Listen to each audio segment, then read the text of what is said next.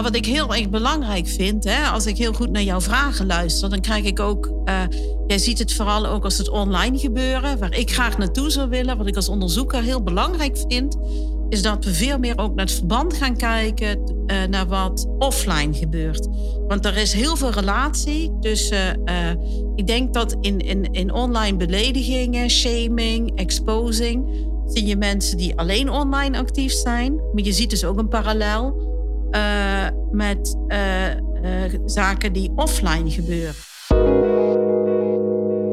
Goedendag, welkom bij de podcast Liefde kent geen dwang. Een podcast van kennis- en expertisecentrum Landelijk Knooppunt Huwelijksdwang en Achterlating. In deze podcast duiken we samen met boeiende gasten in de verhalen die schuilgaan achter onvrije partnerkeuze, liefde en loyaliteit binnen verschillende gemeenschappen en de aanpak van huwelijksdwang en achterlating.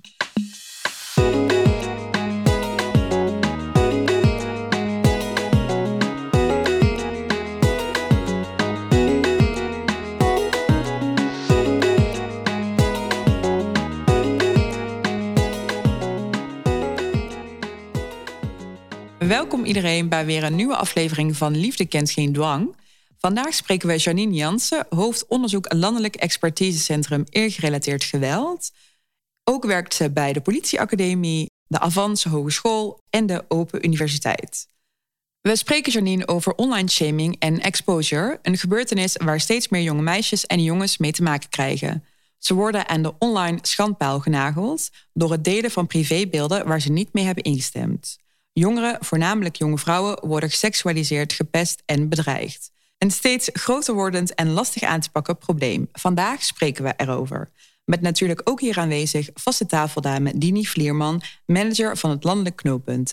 Mijn naam is Suhela Jalchen. Janine, we horen de afgelopen jaren in de media steeds meer over online uh, shaming. Um, is het iets wat jij als onderzoeker bij de politie en het Landelijk Expertisecentrum Eergerelateerd Geweld ook in de cijfers terugziet? En welke verschillende vormen van online shaming zie je dan? Hele goede vraag. We zien het niet zomaar terug in de cijfers. Als mensen daar meer over willen weten, wat voor soort cijfers hebben, die kan iedereen nakijken op de website van de politie. Um, we hebben een aantal vaste categorieën waar we steeds naar kijken, verschillende vormen van geweld.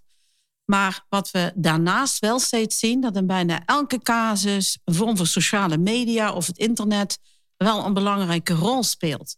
En daarom vind ik het ook zo fijn dat ik hier vandaag ben uitgenodigd. Want als je het hebt over geweld het naam van de familie-eer, dan denkt iedereen altijd dat is verschrikkelijk antiek. Hè? Dat is. Uh, dat iets wat nu niet meer gebeurt. Of ja, zo, of, dat hoort in een andere tijd thuis. Ah, maar dat, is, ja, dat doen mensen toch niet meer. Maar die eercodes die zijn heel erg hardnekkig en die gaan heel erg met de moderne tijd mee. En we zien dus ook dat uh, als je kijkt naar oudere literatuur over eergerelateerd geweld, waarin nog geen aandacht was voor de rol van sociale media en internet, dat was toch eigenlijk een ander verschijnsel dan het nu is. Dus internet, ik ben zelf niet de allerhandigste, maar ik moet erbij zeggen, brengt ons heel veel goede dingen. die sociale media heeft heel veel positieve kanten. Maar er zitten een aantal hele gevaarlijke aspecten aan. En de politie wordt daar elke dag mee geconfronteerd. Ehm, NOS Stories publiceerde vorig jaar ook een onderzoek waarin naar voren kwam dat honderden jonge vrouwen op de chatdienst uh, Telegram uh, werden uitgescholden, gediscrimineerd en bedreigd. En iets wat dan opvallend vaak voorkomt, is dat um, vrouwen uh, bedreigd worden omdat ze een gemengde relatie zouden hebben. Dat is iets wat specifiek ook vooral voorkomt bij vrouwen met een achtergrond in de MENA-regio. Um, is dit iets um, wat ook jullie aandacht heeft, specifiek dat probleem, die discriminatie die daar ook bij gepaard gaat? Als ik uh, even redeneer weer vanuit wat we zien op het gebied van uh, geweld, geïnspireerd door familieeer, dan zie je eigenlijk, uh, er zijn twee fases in de loop van het leven waar we bij de politie heel veel problemen zien ontstaan. En dat heeft te maken met het kiezen van een partner. En ehm, nou ja, wat anders is dan bijvoorbeeld bij regulier huiselijk geweld. Dat is dat de, wat antropologen noemen de extended family. Dat is uh, heel veel witte Nederlanders denken bij familie, denken aan het gezin. Hè? Dat is vader, moeder, 1,7 kind en een hond en een kat en een huis in een nieuwbouwwijk. Ja, dat is het gezin, dat is het kerngezin. Ja. En heel veel delen van de wereld is de groep eromheen. De extended family, de uitgebreide gezin, is heel belangrijk. En die beslissen vaak mee over ja, met wie ga je wel of niet trouwen? Wie is een geschikte kandidaat? Uh, jongens en meisjes kunnen in de problemen komen als ze met iemand aankomen zetten die thuis niet goed valt. Dat kan inderdaad iemand zijn uh, uit een, uh, met een andere culturele achtergrond of een andere religieuze achtergrond kunnen problemen ontstaan. Uh, of de familie had al een andere gedachte. En dat kan een aanleiding zijn tot zware conflicten. Later zien we ja. nog eens ook problemen ontstaan als mensen willen gaan scheiden. En de familie zegt, ja nee, die vlieger gaat niet op. Zien we ook die problemen. Um, dat, wat is dan de rol wat wij zien bij dat internet? Uh, dat, kijk, vroeger werd er geroddeld. Roddelen is waanzinnig belangrijk als het gaat om die eercodes. Zeg maar bij de waterput. Hè? De, moderne variant op kantoor is uh, het koffieapparaat. Precies. Nou, en tegenwoordig uh, roddelen we online. En mensen bedreigen elkaar ook online. En dat is eigenlijk wat heel erg anders is geworden. en dat maakt het ook zo akelig en griezelig laat ik het zo zeggen, ik ben nu bijna twintig jaar bezig met die eerproblematiek, ook bij de politie. En wat je ziet is dat, zeg maar, voordat uh, internet uh, eigenlijk opkwam, dan kwam wel eens een meisje vertellen van, uh, oh jee, ze roddelen over mij. Hè? Ze, er gaan allemaal verhalen doen de ronde in de gemeenschap dat ik gemaagd mee ben. En dan vroeg je bijvoorbeeld, aan wie heb je dit verteld? Dan zei zo'n meisje, oh, niemand weet het. Alleen mijn allerbeste vriendin, twee buurmeisjes, mijn lievelingstante, mijn moeder en mijn oudste zus. Ja. Ja, dan werden wij ook wel nerveus. Want dan, hè, dan is de geest uit de fles, dan ligt het verhaal al op straat. Tegenwoordig zeggen mensen bij wijze van spreken: Oh, niemand weet het. Maar het staat wel op Facebook. Ja, dan wordt het ook heel moeilijk om een verhaal te ontkrachten. En dat is iets ja, waar wij regelmatig mee te maken hebben. Ja, en letten jullie dan als politie ook specifiek op die uh, beruchte site, zeg maar, die chatdienst Telegram? Want ja, dat is natuurlijk wel een heel belangrijk onderdeel van. Ja, je hebt dus ook de vrijheid dus eigenlijk niet. Hè? Want is dan het, het alternatief dat je tegen die meisjes zegt... ja, deel dan maar geen foto van je nieuwe liefde. Ik bedoel, dat is natuurlijk ook lastig. Nou, uh, hier wil ik een aantal dingen over zeggen. Ja. Um, als je kijkt hè, naar uh, de aanpak van eergerelateerd geweld... dan dat is ook de reden waarom ik het zo fijn vind om hier nu te zitten. Uh, we moeten mensen heel goed steeds voorlichten. Vooral ook professionals breed in de veiligheidszorg dat um, een aantal problemen op het gebied van geweld met bekende daders, die manifesteren zich online en offline. Dus dat zijn ook niet zomaar anonieme mensen. Dat is voor gedeelte zijn dat ook de mensen die jou zeg maar in de reële wereld bedreigen. Uh, nu ben jij hartstikke jong. Ik ga Dini niet beledigen, maar Dini en ik. Uh, He, zodra je denkt van ik ben nog helemaal hip en happening, dan ben je definitief van middelbare leeftijd. Dat zijn wij. En uh, ik merk, ik ben, uh, ja, ik ben 52 en ik denk heel erg, nog steeds, en daar moet ik me steeds heel erg goed uh, op, zelf op attenderen, van ik doe iets online of offline. Maar als ik bijvoorbeeld kijk naar mijn studenten bij Avans of op de Open Universiteit of bij de politie, zeker naar jonge mensen, nou, die moet je vaak uitleggen dat ze niet geboren zijn met een smartphone. Hè? Voor jongeren die nu opgroeien, en denk ook aan jouw generatie, uh, voor iedereen onder de 30. Ja, daar is die uh, sociale media, dat is zo normaal. Online, offline, dat, dat is gewoon een ledemaat van jezelf geworden bijna. Ja. Dat, ja. ja. Dus die jongeren maken ook vaak niet meer het onderscheid van... ik doe iets online, offline. Dat loopt logisch in elkaar door. En uh, dus ik, ik noem mezelf meteen als eerste. Hè. Ik wil niemand beledigen. Maar ik moet er dus constant alert op zijn... dat ik niet naar mensen vraag... met wie ga jij in de ja, reële wereld om.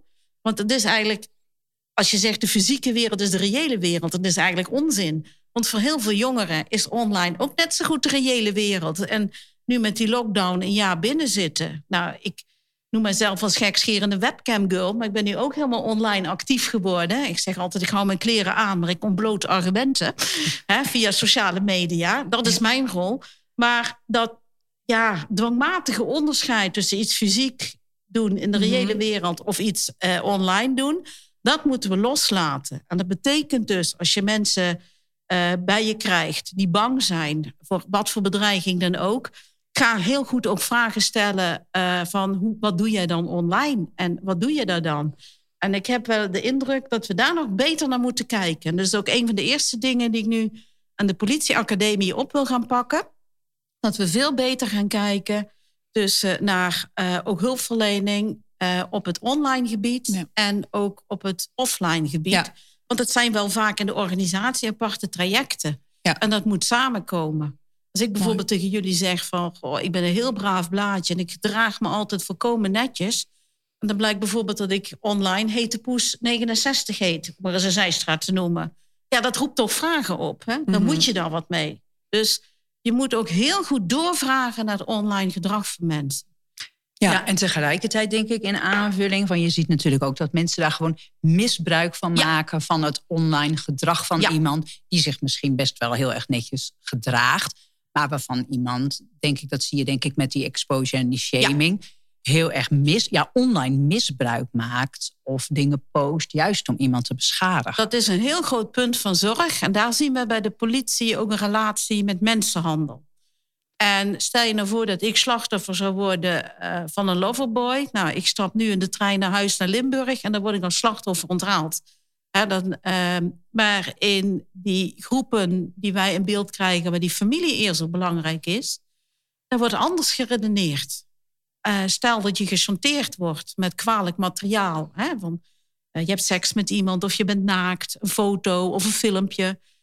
Uh, dan kan dat opgevat worden als een aantasting van de goede naam van de familie.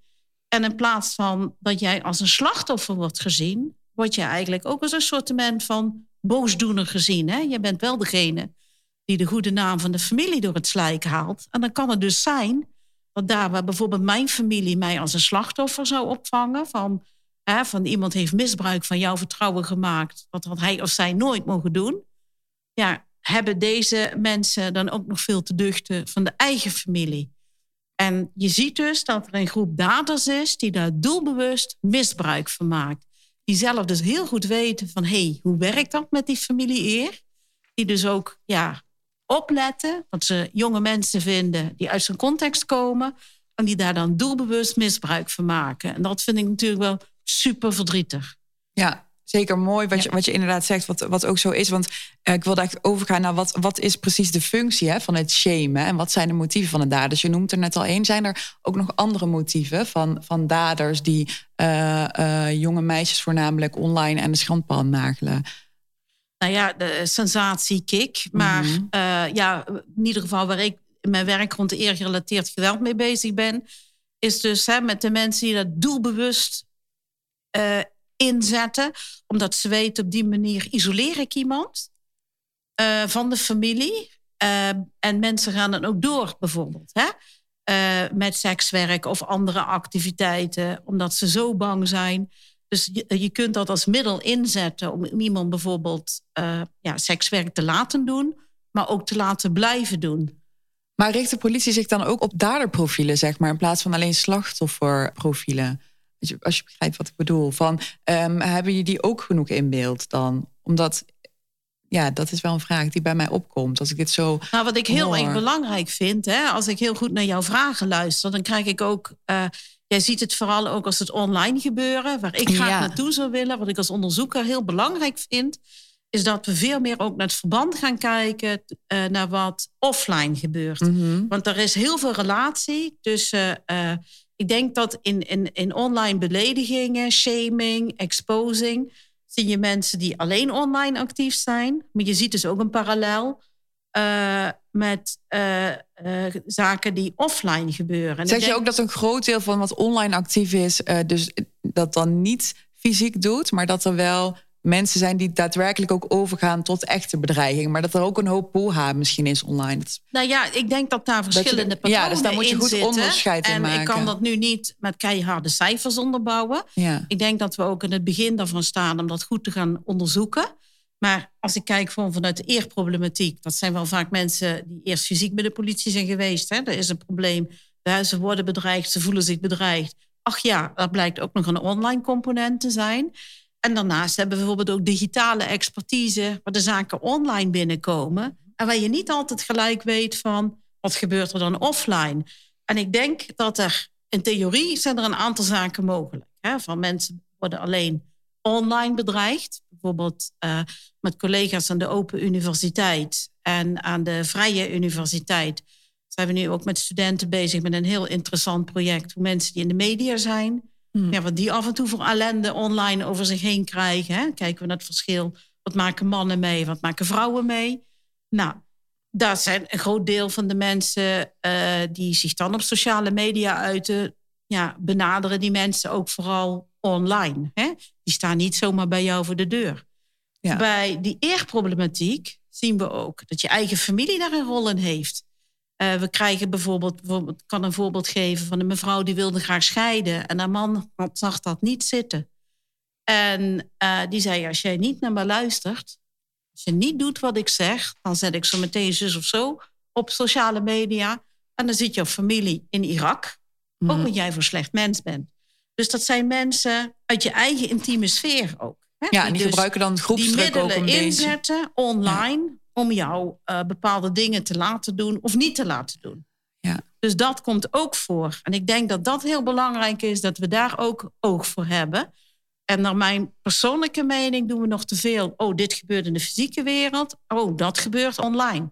En ik denk dat we veel meer moeten gaan kijken hoe zich dat verhoudt. De uh, foto's en berichten, zeg maar, die heel lang doorgaan op het internet. Wat voor impact heeft dat op de, op de slachtoffers? Want vaak is het heel moeilijk om dat te laten verwijderen. ja. Ehm, wat, wat is ja, daar Dat is dus heel erg ingewikkeld. En uh, ik ben geen jurist, dus hoe het juridisch allemaal zit, kan ik je niet tot in detail vertellen. Je ziet natuurlijk wel, we hadden al eerder een wetboek van strafrecht. En dan dat we internet hebben. Dus de wetgever die beweegt nu ook wel mee. Maar wat heel erg lastig ook is van uh, online beeldmateriaal. Je hebt natuurlijk vaak ook met verschillende landen te maken. Misschien staat die provider uh, niet in Nederland of elders. Dus het is heel erg ingewikkeld. En daarom denk ik dat het ook heel erg goed is om na te denken over preventie. En dan komen we op een heel lastig punt. Uh, je hebt bijvoorbeeld zaken als sexting, hè? dat je seksueel getinte berichten over en weer stuurt. En uh, bij Avans heb ik ook met collega's gewerkt aan een handboek over seksuologie. En nou, als je dan met mensen praat die heel veel ook weten over de rol van seksualiteit in de levensloop, die zullen heel vaak zeggen: ja, ook omgaan met die moderne media of dit soort boodschappen verspreiden, dat hoort ook op bij opgroeien. En je moet tot een bepaalde hoogte ook fouten kunnen maken. Wat ik. Het is gezond in, in, bepaalde mate. Ja, ja alleen merk ik. Ehm, wat ik, ja, en dat vind ik een lastige in de praktijk. Dat ligt er wel aan waar je opgroeit. In wat voor familieverband. Hè? Ehm, bijvoorbeeld waar ik ben opgegroeid. Mijn familie ging er niet gelijk vanuit dat ik met het eerste vriendje zou trouwen. Ik heb het nog altijd weten te rekken. Dus, uh, nou ja, hè? dus verken dingen, probeer eens dingen uit. En nou, maar zeggen, we zien wel waar het schip strandt. Dus er was een bepaalde marge uh, waarbinnen je dingen uit kon proberen. Dat is niet in elke familie zo. En uh, sommige zaken die voor veel Nederlanders heel normaal zijn, dat je die ruimte krijgt, die heeft niet iedereen. En die jonge mensen die kunnen dus enorm in de problemen komen ja, als ze dus wel uh, beeldmateriaal verspreiden of wat dan ook. En we hebben natuurlijk ook al gezien uh, mensen zonder migratieachtergrond. Hè, dat het geleid heeft tot zelfdodingen. Dat is natuurlijk ronduit verschrikkelijk. Um, maar ik denk in sommige groepen waar die familie eerst zo belangrijk zijn, zijn de risico's heel groot. Ja. En dan geef ik toch vaak als advies mee: hè, bezint eerst je begint. Denk heel goed na. En realiseer je ook wat je voor risico's loopt. Ja, jij zegt ook eigenlijk die cultuursensitiviteit zou ook bij die hulpverlening ja. uh, beter moeten. Is dat iets wat jij ook uh, herkent? Ja, ik, ik, herken dat wel wat je zegt, omdat ik denk van. Um, ja, het heeft natuurlijk deels te maken hè, met dat je nou ja, in Nederland algemeen gewend bent dat experimenteren, ook over online seksualiteit, dat dat eigenlijk ja, als onschuldig en iets is wat hoort bij, ja, bij ouder worden.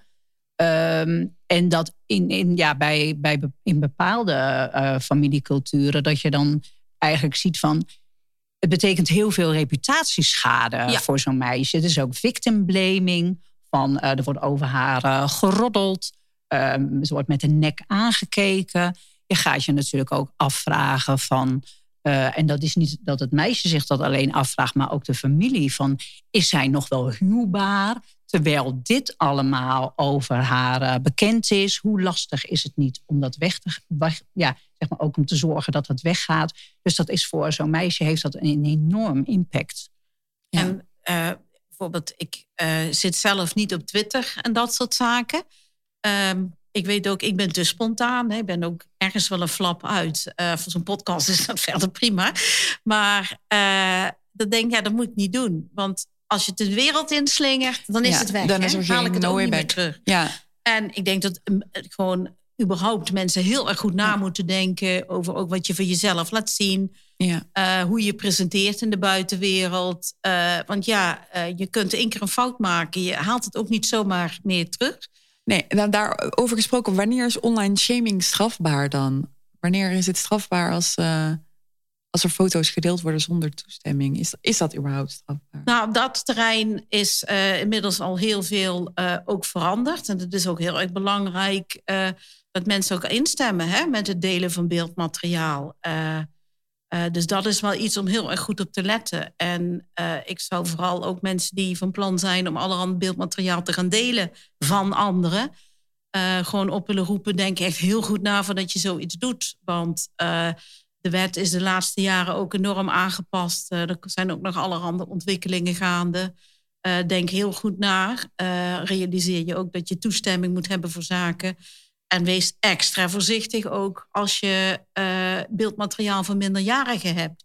Want dat kan zelfs nog leiden tot het verwijt dat je kinderporno aan het verbreiden bent. Dus de teugels zijn juridisch behoorlijk aangehaald. En ja, die ontwikkeling daarvan, dat einde is ook nog niet in zicht. Ja, wees gewaarschuwd, inderdaad.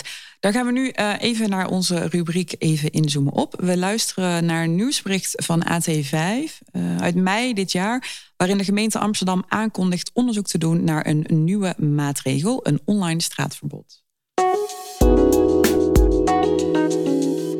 Met een online straatverbod hoopt burgemeester Halsema online shamers harder aan te pakken. Dat meldt de Amsterdamse nieuwszender AT5. Door middel van online straatverboden hoopt burgemeester Halsema de ongewenste verspreiding van privébeelden op het internet harder aan te kunnen pakken. De burgemeester maakt zich grote zorgen over shaming en exposing onder jongeren en hoopt op die manier ervoor te kunnen zorgen dat de daders zich niet meer in de buurt van een slachtoffer kunnen vertonen, ook online. Amsterdam zou daarmee de eerste stad zijn die zo'n virtueel gebiedsverbod invoert. De gemeente onderzoekt nog of het überhaupt juridisch haalbaar is. Volgens burgemeester Halsema is het probleem van online exposing ongelooflijk groot. Maar zijn de manieren om de daders te vervolgen maar beperkt? En bevinden we ons op een nieuw terrein voor politie en justitie? Ja, Janine, zou dit een middel kunnen zijn om de problematiek aan te pakken? Ik vind het een waanzinnig interessant experiment. En ik volg het ook eh, met grote belangstelling. Maar dit gaat wel uit van een bepaald type dader. Als ik weer kijk naar wat ik zie vanuit die eerproblematiek, dan kunnen dus gewoon ook mensen uit je nabije omgeving zijn. En dan wordt het heel lastig werken met zo'n straatverbod. Hè? Dat als het iemand is waar je bijvoorbeeld. Waar je mee woont of zo. Mee woont, of waar jij denkt dat je een intieme relatie mee hebt. Uh, hè? Maar zeg maar een beetje het loverboy-achtige type. Dat is dan wel weer ingewikkelder. Dus dit lijkt me vooral handig voor een dader waar ook wat meer uh, sociale afstand toe is. Ja, precies. En dit soort maatregelen, uh, dat doet mij weer sterk in het idee dat we veel beter naar patronen moeten gaan kijken. Van wie is alleen online actief? Wie heb je ook uh, ontmoetingen mee, contact mee in de fysieke wereld? want ik denk niet dat je, ja, zoals een t-shirt, one size fits all. Je hebt niet één soort gereedschap dat voor al die vormen kan gaan helpen. Ik denk dat we naar een grotere gereedschapskist moeten. En dat dit misschien een stuk gereedschap is, dat we voor een bepaald type dader heel goed in kunnen zetten. Dus hè, iemand die niet direct in jouw sociale nabijheid is, die op die manier wellicht wat meer op afstand kunt houden. En ik denk dat ja, misschien uh, daarvoor interessant is. En ik denk wel dat we dat ook heel erg goed moeten onderzoeken. Van hè, hoe handhaaf je dan zo'n maatregel? Hè? Is dat kan je dat ook hard maken. Als dat een wassen neus is, dan ja, heeft dat natuurlijk ook geen zin. Maar het lijkt mij prima om hier eens mee te experimenteren en te kijken uh, wat mogelijkheden, maar ook beperkingen zijn. Ja, precies. Al is het maar om die uh, mentaliteitsverandering misschien te bevorderen als een stuk waarschuwing. Maar jij zegt ook, ook kritisch kijken naar het patronen aanpakken. Je moet altijd kritisch kijken. En, uh, want als je zegt, nou, dit is het ei van Columbus, dit gaat tegen alles en nog wat helpen. Dat is niet. Uh, ja, dat, dat, dat werkt meestal niet zo. Daarvoor zijn die problemen vaak ook wat te ingewikkeld. En zo'n quick fixes, die bestaan meestal niet. Maar zo heeft de gemeente het ook niet gepresenteerd. Hè? Ze zien het ook echt als een experiment van jongens, laten eens kijken wat hier mogelijk is. En eh, ik vind het zeer interessant en ik volg dat graag. Ja. Uh, Dini, we hebben het uh, logischerwijs natuurlijk over de rol van de politie in deze aanpak. Maar moeten we het ook niet hebben over preventie? Ja, natuurlijk moeten we het hebben over preventie. Dat is altijd belangrijk. Ik denk dat er, ja, en, en daar kijken we natuurlijk vaker naar, een belangrijke rol is voor ouders, maar ook voor, voor het onderwijs. Ik denk dat Janine ook wel een aantal aan, zeg maar aangrijpingspunten al genoemd heeft. Nou ja, ik denk eigenlijk in de eerste plaats ga ik even terug naar. Um, geef niet meteen het slachtoffer de schuld van dat die de schuld is aan dat dat gebeurt. Het slachtoffer is een slachtoffer en dat is niet een dader. Ik denk het is belangrijk om uh, hem of haar te ondersteunen en te zeggen van nou, het is goed dat je hulp vraagt. Ik denk ook, en dat geldt natuurlijk voor veel meer dingen, dat het niet meteen werkt als, uh, als je jonger of kinderen een verbod geeft op sociale media. Het gaat juist over hoe kun je weerbaar, welbewust sociale media hanteren. Hoe ga je daarmee om? Hoe ga je om met bepaalde berichten of juist ook beelden delen? Um, het gaat denk ik ook over van hoe, ja, hoe kunnen ouders hun kinderen weerbaar opvoeden? Hoe kun je je weerbaar, ja, weren ook tegen online shaming? Um, ik denk dat dat belangrijk is. Ik denk ook dat, het, dat scholen daar een belangrijke rol in hebben. Dat scholen ouders daarbij kunnen ondersteunen. En dat je bijvoorbeeld, uh, Janine zei het ook al, als je het hebt over seksuele voorlichting. Het gaat niet alleen maar over um, ja, wat is seks en hoe doe je het met elkaar en oh, wat is het allemaal fijn. Het gaat ook over van dat je digitaal experimenteert, dat jongeren dat doen en dat ze zich daar de risico's uh, van bewust zijn. Dus ik denk ja, het is belangrijk om daar steeds meer aandacht voor te krijgen. Ja, ik deel die visie, uh, Dini. En uh, gisteren is een artikel verschenen. Ehm, en dat gaf aan dat bepaalde vormen van criminaliteit zijn teruggelopen. Hè? Sinds de maatregelen tegen COVID over de hele wereld grote vlucht hebben genomen. Ja, daar werd minder ingebroken, omdat we de hele dag natuurlijk allemaal thuis zitten. Maar mensen komen nu wel ook online bij je binnen. Uh, dus uh, reken je als ouder ook niet rijk uh, als je lekker thuis op de bank zit. En je denkt, oh, de kinderen zitten boven huiswerk te maken. ja, daar kan toch ook nu van alles op een andere manier in jouw eigen leefwereld komen. En ja, daar moeten we de ogen niet voor sluiten. Nee, ik denk ook, ouders kunnen natuurlijk ook vragen. Normaal vraag je bijvoorbeeld aan het kind van... en hoe was het op school? En wat heb je nog gedaan onderweg naar huis? Je ja. zou ook kunnen vragen van... en hoe was het online? Uh, heb je nog iets leuks gezien of iets grappigs? Heb je ook gekke dingen gezien? En daar met je kind over in gesprek gaan. Zeg maar net zoals je altijd vraagt dus op school. Ook vragen hoe is het online? Wat kom je tegen? Dat, daar gewoon een gewoonte van maken. Zeg daar gewoon een gewoonte van maken. En ja, gewoon open, dat geldt voor heel veel dingen. Maar gewoon open het gesprek aangaan met je kind. Mooi. Dank jullie wel, dames. Uh, voor dit gesprek. Uh, hiermee komt een eind aan deze aflevering van Liefde kent geen dwang. Uh, dank en Janine en dank en Dini. Wil je geen aflevering missen, abonneer je dan op Liefde kent geen dwang via je favoriete podcast-app. Tot de volgende.